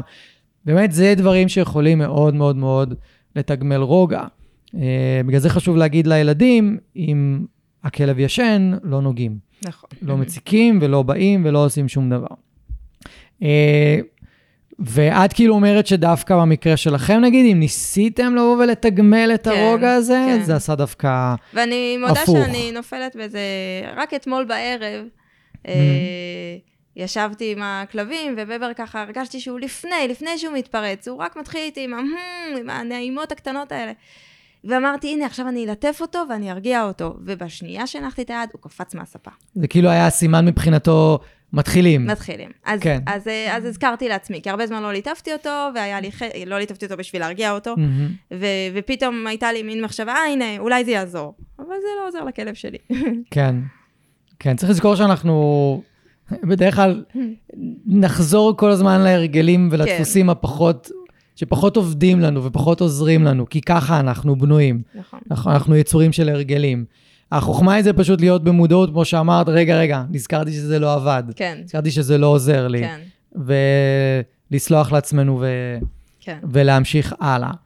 אמ, אוקיי, ואת סיפרת לי סיפור מאוד מעניין, לפני שהתחלנו להקליט את הפרק, שקלטתם ממש לאחרונה, אה, על כן. האינטראקציה בין בבר לנורמן בעצם. נכון. שמבחינתי זה כאילו, אולי זה קצת מאוחר מדי בפרק, אבל לא נורא, נשים את זה כהיילייטס. ורגע, אני, אני, אני אתן לזה הקדמה, סבבה? כי אנחנו, לנו בתור uh, מי שעובדים ביחד ומטפלים במקרים ביחד, ואת, uh, אז אנחנו מדברים המון על, על איך אנחנו מטפלים בעצם בבעיה מסוימת. איך ניגשים לטפל בבעיה מסוימת, והרבה פעמים אנחנו מוצאים את עצמנו אומרים, אוקיי, זה מה שכתוב בספר שצריך לעשות, אבל אנחנו לא סגורים על זה, אנחנו לא בטוחים שזה מה שצריך לעשות, אנחנו בטוחים שזה מה שיעזור לכלב. אז איך אנחנו לומדים להיות בטוחים שזה עוזר לכלב? אז, וזה כאילו הקדמה למה שתגידי, זה מתוך התבוננות. נכון. להיות מרחב לכלב להתנהג, כדי שאנחנו נוכל ללמוד מה, מה עובד ומה לא עובד, לא רק מתוך בוא ניגע בו, בוא ניתן לו חטיף, בוא נלטף, בוא נוציא אותו לטיול, בוא נעשה את זה, בוא נעשה... לא, אולי בוא לא נעשה משהו רגע. אולי ממש פשוט בוא לא. נעשה משהו. נכון, נכון. אולי פשוט בואי, בואו ו, ו, ונתבונן. ויעל, המאלפת השנייה בצוות שלנו, שבדיוק אתמול זה עלה ב, בישיבת צוות שלנו, של מה אני עושה נכון. עם הכלב שהוא כל כך חרדתי, ואולי הוא לא ייתן לי להתקרב, ואולי הוא לא ייתן לי לעשות זה. פשוט נשחרר את זה, בואו נתבונן, והכלב יגיד לנו. אבל אם אנחנו לא ניתן לסרט לרוץ מההתחלה ועד הסוף, נכון. לא נדע. אז כאילו, אתם אשכרה ישבתם וראיתם סרט. אז אנחנו ישבנו וראינו סרט, ואנחנו אנחנו בערב אוהבים לשבת ולראות את הסדרה שלנו, ו- ואז התחיל הבלאגן, זה היה לפני כמה שבועות, היה סרט שבועיים. בטלוויזיה וסרט בחיים האמיתיים כן, שלכם. כרגיל. ו... והם התחילו ביניהם, אה, בבר ונורמן, כן, זה גם משהו שלא דיברנו, שלפעמים ניגשים אחד לשני לפתור את העניין הזה של הרוגע. ו... ולהגיד את האמת, היה לנו מאוד נוח שהם ניגשים אחד לשני, כי הם לא ניגשו, אל... לא ניגשו אלינו. אה, ואומנם היינו קהל ל... ל... למה שקורה ביניהם. לסרט טבע הזה שקורה כן. לי בסלון כרגע, אבל, אה, אבל לפחות הייתי צריכה לקום מהספה. אז קיבלתי את זה. ולפני איזה בערך שבועיים, באמת ישבנו וראינו טלוויזיה, והתחיל כל הסצנת החוסר רוגע וההצקות, ונורמן הגיע אלינו לבקש מענה, ו- ואנחנו התעלמנו, כי אנחנו כרגע נוקטים קצת בשיטת התעלמות בשלב הזה, והוא הלך לבבר, כי אנחנו התעלמנו ולא נתנו לו מהמם. מענה.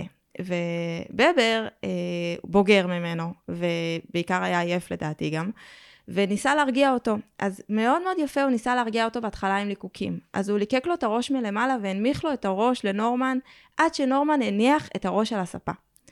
מדהים. ממש מדהים, באמת, זה היה, זה היה מופלא לראות. ו... אה, אבל זה נורמן, אז הוא איכשהו סיים, וישר בום, הרים את הראש למעלה. אז אה, בבר נקט בשיטה קצת יותר אה, אברסיבית, והתחיל לנהום עליו. ונהם עליו, אבל באותה צורה, הוא הניח את הראש שלו מעל הראש של נורמן, ונהם עליו עד שהראש של נורמן ירד, ירד, ירד לספה.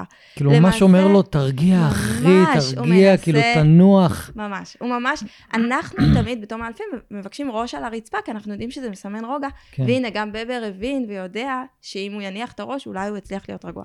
חשוב להגיד, זה לא יהיה קטע של דומיננטיות, כי לא, הרבה ממש אנשים לא. יגידו, אה, דומיננטי, הוא שם עליו את הראש, הוא זה וזה. כן. לא, ממש מי, לא. מי שיראה את האינטראקציה לא. בין בבר לנורמן, יראה שאין שם דומיננטיות כן. בכלל. הם מעבר לזה שהם חברים מאוד טובים, אם כבר מישהו פה מציק למישהו, זה נורמן, כן. שנורמן כל הזמן גונב לו את הצעצועים ומציק לו, ובבר מאוד סבלני אליו. כן. אז לא, זה לא העניין. אמ, אז אני, אני אחזור אה, לסרט הזה. אז האמת ש, ש, שלא לא הדגשתי כל כך, שמה שקרה לי ולבן זוג שלי באותו רגע, זה שפתאום עצרנו את הטלוויזיה והסתכלנו. שזה משהו שלא עשינו, ממש הסתכל... לא עצרנו בשביל לטפל בבעיה, עצרנו בשביל לראות מה קורה. ואז התבוננו בהם, וזה מה שראינו, וראינו שהוא מנסה להרגיע אותו עם נעימות, והוא גם לא מצליח, ונורמן מנסה לגרום לו לשחק, אז הוא נושך לו את הרגל, ואז הוא קצת קם לשחק איתו, ומנסה לשחק, ואולי הוא יצליח בעזרת משחק להרגיע אותו. ופתאום בבר עזב את המשחק, Hmm. התיישב מולנו, ממש בישיבה, הסתכל לנו בעיניים והתחיל לבכות, לילל, תעזרו לי. ופתאום הבנו שכל הזמן הזה אנחנו נתנו לבבר את האחריות להרגיע את נורמן בערב. ועם כל הכבוד, זו לא אחריות של בבר. זה נחמד אם הוא יכול לעשות את זה בקלות והוא טיק טק מרגיע אותו, אבל זה כבר חצה שלב שכבר אה, לבבר לא נוח עם הסיטואציה. מהמם. והוא בא אלינו לבקש עזרה. הוא בא להגיד לנו, קחו את האח הקטן והמציק הזה, זה לא בעיה שלי, אני רוצה לנוח. ואנחנו לא עשינו את זה. אנחנו פשוט, עד היום לא היינו עוזרים לו. הוא היה בא אלינו, ומה שאנחנו חשבנו זה, הנה, עכשיו גם בבר מציק, יופי. הנה, נורמן הציק, עכשיו בבר מציק. ולא הבנו שבסך הכל הוא מבקש מאיתנו עזרה. ואני חוזרת עכשיו להתחלת הפרק, שדיברנו, האם תמיד להתעלם? לא. פה לא היה מתאים להתעלם מבבר, כי מה הוא ביקש? עזרה. כן. אז מאותו יום, כשאנחנו אנחנו מאפשרים לבבר להרגיע את נורמן, לפעמים הוא מצליח. אבל כשהוא יוצא מהסיטואציה ומבקש עזרה, זה הזמן שלנו, שאנחנו יודעים, גם אם החלטנו שמתעלמים, לא מתעלמים, פה לא מתעלמים. לוקחים את נורמן מבבר. הוא לא צריך שיציקו לו. וזה חוזר להיות האחריות שלנו עכשיו להרגיע את נורמן. עכשיו, זה נדיר, אנחנו לא כל ערב מגיעים למקום הזה, אבל כשזה מגיע, אז כן, אנחנו עוצרים הכל ולוקחים את נורמן מהסיטואציה. מעולה. זה, זה מרתק הקטע הזה, כי באמת, בלי להתבונן, אנחנו לא, לא יכולים להבין איך לטפל עד הסוף. נכון. אנחנו יכולים לכבות את הכלב, אנחנו יכולים להשבית אותו, אנחנו יכולים פשוט להגיד לו די, אנחנו יכולים כאילו, גם התעלמות במקום מסוים, אם לא עושים אותה נכון, יכול להיות דבר כזה, אבל אנחנו לא נצליח לפתור את זה לטווח ארוך. לא, זה יצוץ במקום אחר. לא.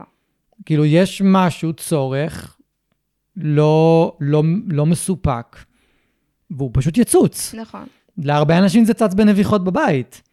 להרבה אנשים זה צץ בהרס. ב- כן, נורא תלוי מה, מה הכלב חווה. נכון. וזה, וזה בעיניי המהות בעצם של טיפול התנהגותי, מה שאנחנו באים ומנסים לעשות. לא תמיד מצליחים ב-100%, אבל זה מה שאנחנו רוצים לעשות. נכון. להבין את המקור, את השורש, ולתת איזשהו דרך, מסלול, טיפול שהוא באמת יפתור את זה לטווח ארוך. ואני חושב שהבונוס הכי גדול כאן, ברגע שבן אדם לומד את זה, זה שלאורך זמן הוא ידע, אני מדבר כרגע על בעלי כלבים שמקבלים עזרה ממאלפים. כן. אז אם בעלי כלבים מקבלים את המתנה הזאת של התבוננות, כשיהיה, תהיה איזושהי רגרסיה או תהיה איזושהי בעיה, אז הם יוכלו רגע אולי לטפל בעצמם. נכון. והם לא יצטרכו ישר, אני לא יודע מה לעשות, אני לא יודע מה לעשות. נכון. כי, כי הם לא למדו להתבונן נכון. ולנתח את הסיטואציה. נכון. התבוננות כל כך חשוב. אה, אני יכולה להגיד בגאווה שבבית ספר שאני למדתי, בית ספר מרקר, הם אה, ממש הקדישו שיעורים שלמים ללמד אותנו להתבונן. ללמד, היו מראים לנו סרטונים ומבקשים מאיתנו לתאר מה קורה שם לא מה נראה לי שקורה שם, מהמם. לא הכלב מפחד, לא, האוזניים שלו אחורה. להתבונן, להבין מה קורה שם באמת, ואז לחבר את הדברים. כי אם אני לא באמת מתבוננת, אני לא באמת יכולה לדעת מה קורה לי עכשיו. לגמרי. אה, לגמרי. ואני חושב שהמקום שלמדתי את זה בפעם הראשונה הראשונה, או שמה זה התחבר לי הכי טוב, דווקא היה עם גורים. שאנשים אמרו לי, באו והתלוננו, הוא, הוא, הוא באיזשהו שלב פשוט קם ומתחיל לנשוך אותי, או מתחיל לנשוך רהיטים בבית. ואז הייתי תמיד שואל אותם, ומה קרה לפני? נכון. ומה קרה לפני, ומה קרה לפני, ומה קרה לפני, ומה קרה לפני. ואז בעצם ככה בן אדם יכול ללמוד ולהבין, אה, זה התחיל בכלל שהוא התעורר. מהמם. זה התחיל כשהוא, אה, לקחתי לו את הצעצוע שהוא עשה איתו הרבה רעש, או, אה, הוא לא אכל כבר איזה 4-5 שעות ולא לא שמתי לב לזה, כאילו, נכון. כל מיני דברים התחילו להתבהר, ואז הם היו יכולים לעצור את הלעיסות או את הנשיכות על הספה הרבה לפני, נכון. אוקיי? ברוב המקרים, ברוב המקרים. יש מקרים יוצאי דופן, ששם הדברים אחרים אה, מפריעים לגור, ולפעמים אנחנו לא... היו מקרים שגילינו דלקת שתן אצל גור. כן. שזה מה שהיה, שהכי הפריע לו. אוקיי, אז האמת שזה היה נורא, זה נורא מעניין. אה, מתי התחיל השיפור לקרות בבית? מתי התחלתם לראות הקלה ב... ב... אז קודם כל, התחלנו לראות הקלה יום אחרי, אחרי שהחלטנו. שהחלטתם- למה? שהחלטנו לטפל. כי אתם שחררתם. כי אנחנו שחררנו וכי אנחנו פעלנו גם, מצד אחד שחררנו, מצד, מצד שני פעלנו. אה, התחלנו לנסות דברים, אה, התחלנו לנסות אה, פריקת מתח ולא פריקת מתח, והשינוי הגדול האמיתי שהתחיל את התהליך באמת היה אה, להעביר את הטיולים לטיולי רכרוכים שדיברנו עליהם קודם. הרבה עבודת רגיעה בבית, דווקא לא בשעות הקשות. זאת אומרת שאנחנו אה, עובדים איתם על רגיעה בצהריים. לא במקום שהכי קשה להיות רגוע. מהמם. כשקצת, קצת קשה רק להיות רגוע, כן. כי מבקשים ממני כרגע משהו. אבל אנחנו חייבים לתרגל איתם וליצור את המיומנות הזאת אצלם של לעבור לרגיעה. הוויסות הזה שבין הטירוף שבחוץ לרגיעה שבבית זה משהו שקשה להם לעשות. מהמם. ואנחנו עובדים איתם על רגיעה דווקא לא בשעות האלה. זאת אומרת שבשעה 4, בשעה 5, אני מוציאה את השמיכת אה, רגיעה שלהם, ואני עובדת איתם על רגיעה. ואחרי זה... רגע, למה הם צריכים שמיכת רגיעה בעצם? אה, אז, למה, אה, למה אי אפשר לעבוד על המיטה שלהם? כן. Uh, כשאני מוציאה את השמיכת אה, רגיעה, השמיכה הזאת זה ה-Q שלהם. זה ה-Q עכשיו נרגעים. עכשיו מהמם. אנחנו עובדים על להירגע. ויש זאת אומרת שהם. מקשרים את השמיכה. לרוגע. ממש, יש לנו, גם דאגתי שזה יהיה שונה, יש לנו אה, שטיחון סגול אה, עם מרקם שונה, והשטיחון הסגול הזה יוצא כשמתרגלים רגיעה. מעולה. אני מוציאה את השטיחון, פורסת אותו, מתרגלת, נגמר התרגול, לוקחת את השטיחון, מקפלת, שמה חזרה על המדף. הוא לא שם כל הזמן. אה, וזה ה-Q. ומה שיפה זה שלפעמים אפשר להוציא את השמיכה הזאת כשהם לא רגועים. כי הם כבר כל כך התרגלו שהשמיכה הזאת, אם מוציאים אותה רק כשהם מתרגלים רגיעה, אז גם כשהם לא רגועים, אני יכולה עכשיו להוציא את השמיכה ולבקש מהם רגיעה, ולבקש מהם לתרגל רגיעה כשהם לא רגועים. ופתאום קצת יותר קל להם, כי הם תרגלו רגיעה כשהם היו רגועים. אז עכשיו הם יכולים לתרגל את זה כשהם לא רגועים. אה, זה לא קל להם, אבל זה. יותר קל להם. כן, זה פשוט משפר את הסיטואציה. נכון. זה לא פותר את זה, לא, אבל זה הופך את זה ליותר קל. נכון. כן. נכון. ואני גם מה שאמרת בהתחלה, בהתחלה, וזה לדעתי קצת אמרת את זה מהר מדי, זה שתחושת ההקלה באה מזה שאנחנו שנייה, אתם רגע, אה, הסתכלתם על זה אחרת, קיבלתם פרספקטיבה אחרת על הסיטואציה, אתם עשיתם, קרה משהו אצלכם בפנים, לאו נכון. דווקא בחוץ, כאילו נכון. זה קודם התחיל בפנים. נכון. או במקביל, לא משנה, אבל קרה משהו בפנים כדי שאתם תחוו רגיעה נכון. בעצמכם. זה, זה נורא משמעותי להגיד את זה. נכון. כי לפני זה, רק התעסקנו באיך מכבים את השריפה הזאת. כן, וזה גם מאוד מתיש. מאוד. ופתאום ההתעסקות, ההתעסקות לא ירדה, אנחנו עדיין מתעסקים, אבל פתאום ההתעסקות היא גם מעניינת. כי אני מחפשת מה גורם לזה, ומה היה אתמול, ו- ו- ואני מתבוננת כל ערב, ורואה את השיפור. כשאני מתבוננת, אני רואה שיפור. זהו, כי, כי זה גם חשוב להגיד את זה, כי זה לא שאתם יכולים בבת אחת פשוט להביא אותם למצב של, של לא. רוגע ו- וערב שקט. כאילו, זה לא משנה מה אתם תעשו, לא. זה לא יקרה. זה לא יקרה, ואני גם, גם אה, לא משקרת לעצמי ואומרת, זהו, אה, יום אחד התהליך הזה יסתיים, ויהיה לי מעכשיו ומעולם רוגע בבית. אני כן רוצה מאוד מאוד להפחית, אבל אני כן מבינה שאולי פעם בחודש יהיה לי ערב קשה. יכול להיות, אני לא יודעת מה, היה, מה יהיה באותו יום. מהמם. אה, בתקווה שזה יהיה פעם בחודש, אולי זה יהיה פעם בשבועיים, מקווה שלא, אני מקווה שאני אצליח להגיע לפעם בחודש, אבל אני מקבלת את זה, שזה עלול לקרות. זה הכלבים שלי, יש לי שני פיטבולים אנרגטיים בבית, אני צריכה לדעת מה הכנסתי הביתה. לגמרי, כן, לגמרי. כן. אוקיי. אז מה, מה עוד אה, עזר ל- לשיפור? אמ, אז אני, אני חוזרת שוב, אה, אה, כן, דיברנו על השינוי אצלכם, ועל כן. תרגול רוגע בשעות, לא בשעות הקשות. נכון, זאת לא אומרת, בשעות הקשות. על השמיכת רגיעה, הסגולה וה, והרוגע הזה. אמ, אז יש לנו גם את ה... אני מציינת שוב, יש את האוכל, אה, מהמם. את ארוחת ערב. המפוזרת, את הפריקת מתח בטיולים, הרבה רכרוכים. אה, הרבה להכיר את הכלב ולדעת מה מדליק אותו ומה לא.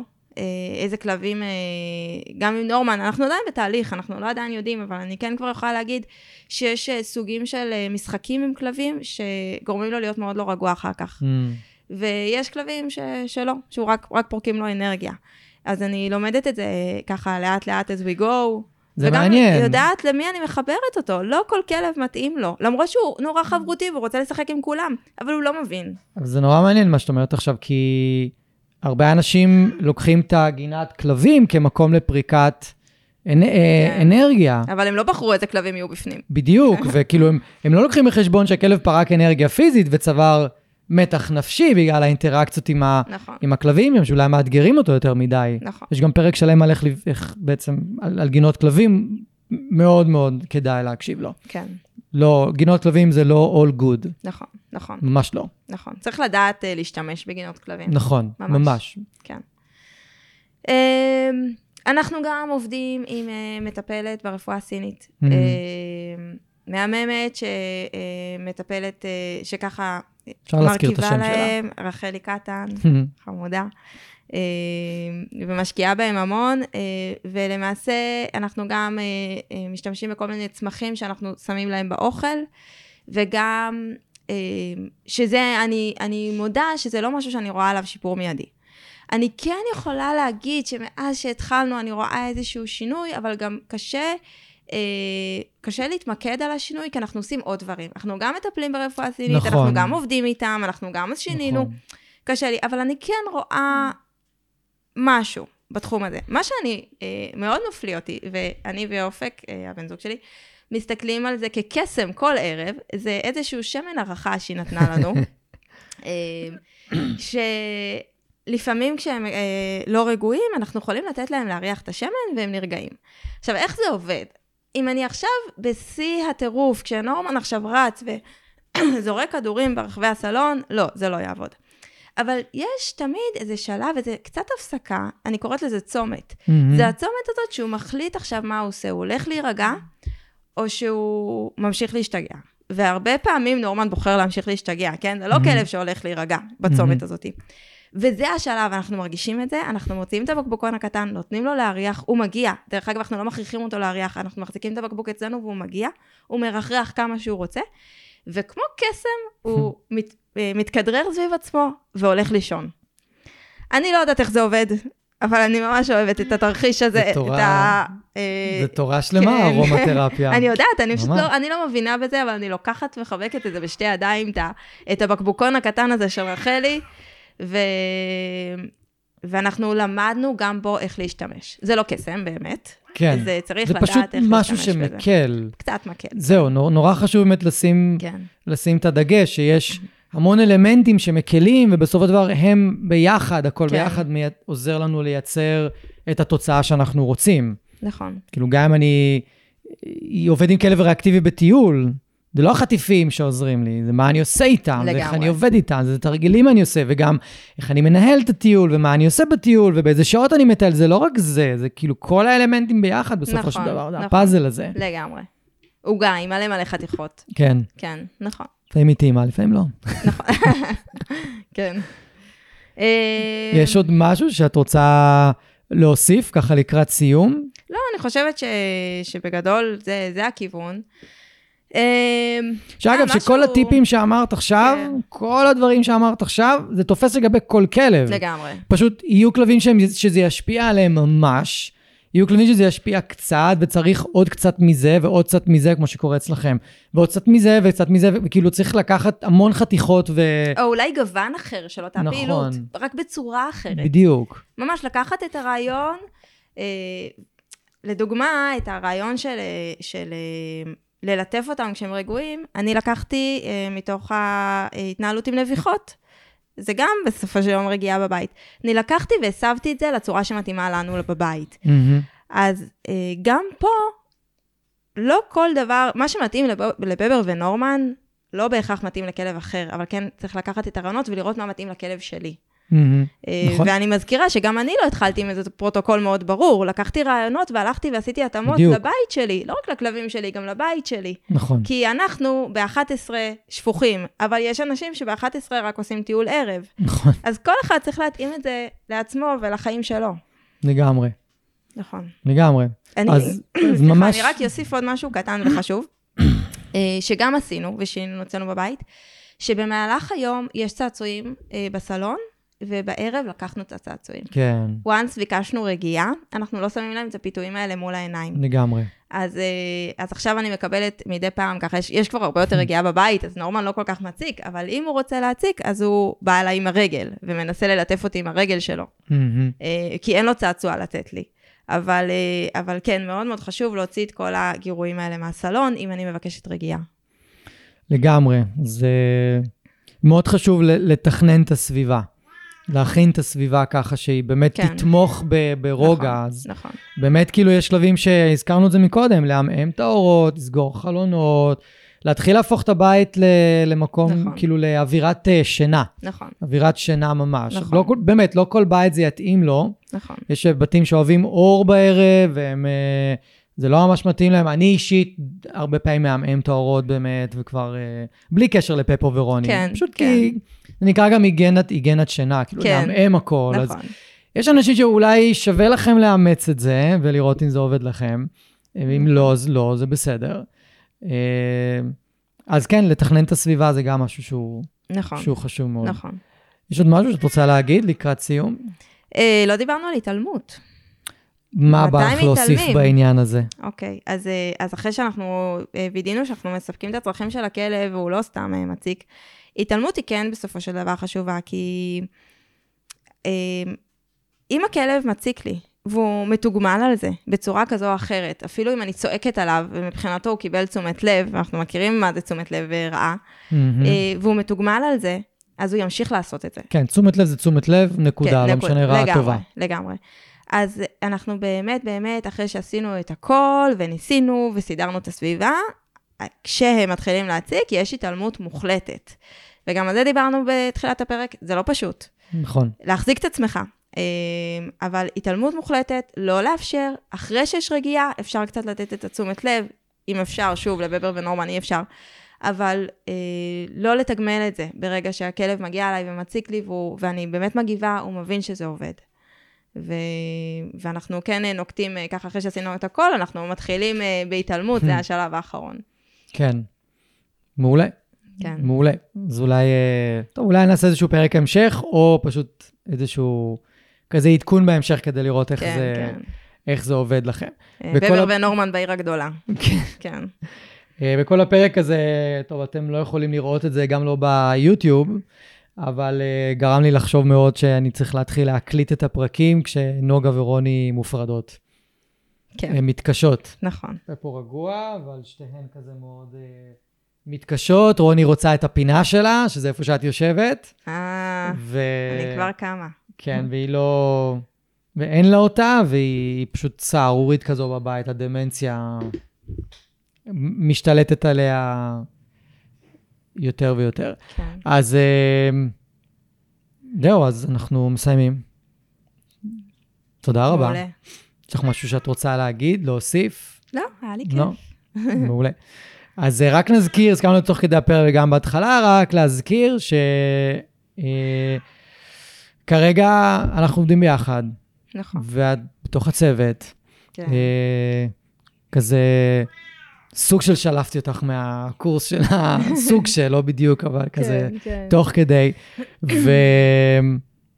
אה, וסביר לך שמי שיפנה אלינו, יפנה אליי לקבל טיפול, יכול מאוד להיות ש...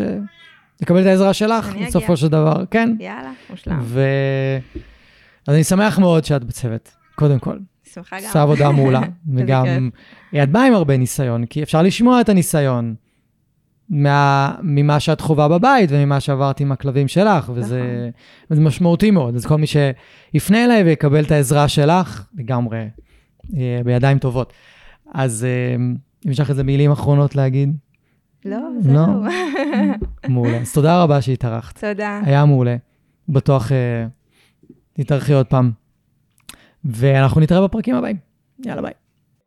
אני רוצה להגיד לכם שוב, תודה רבה שהאזנתם. אם אהבתם ואם נהניתם, אז שתפו חברים, שתפו מכרים, בעלי כלבים, תעזרו לי להפיץ את הפודקאסט הזה, אני מאוד מאוד אשמח.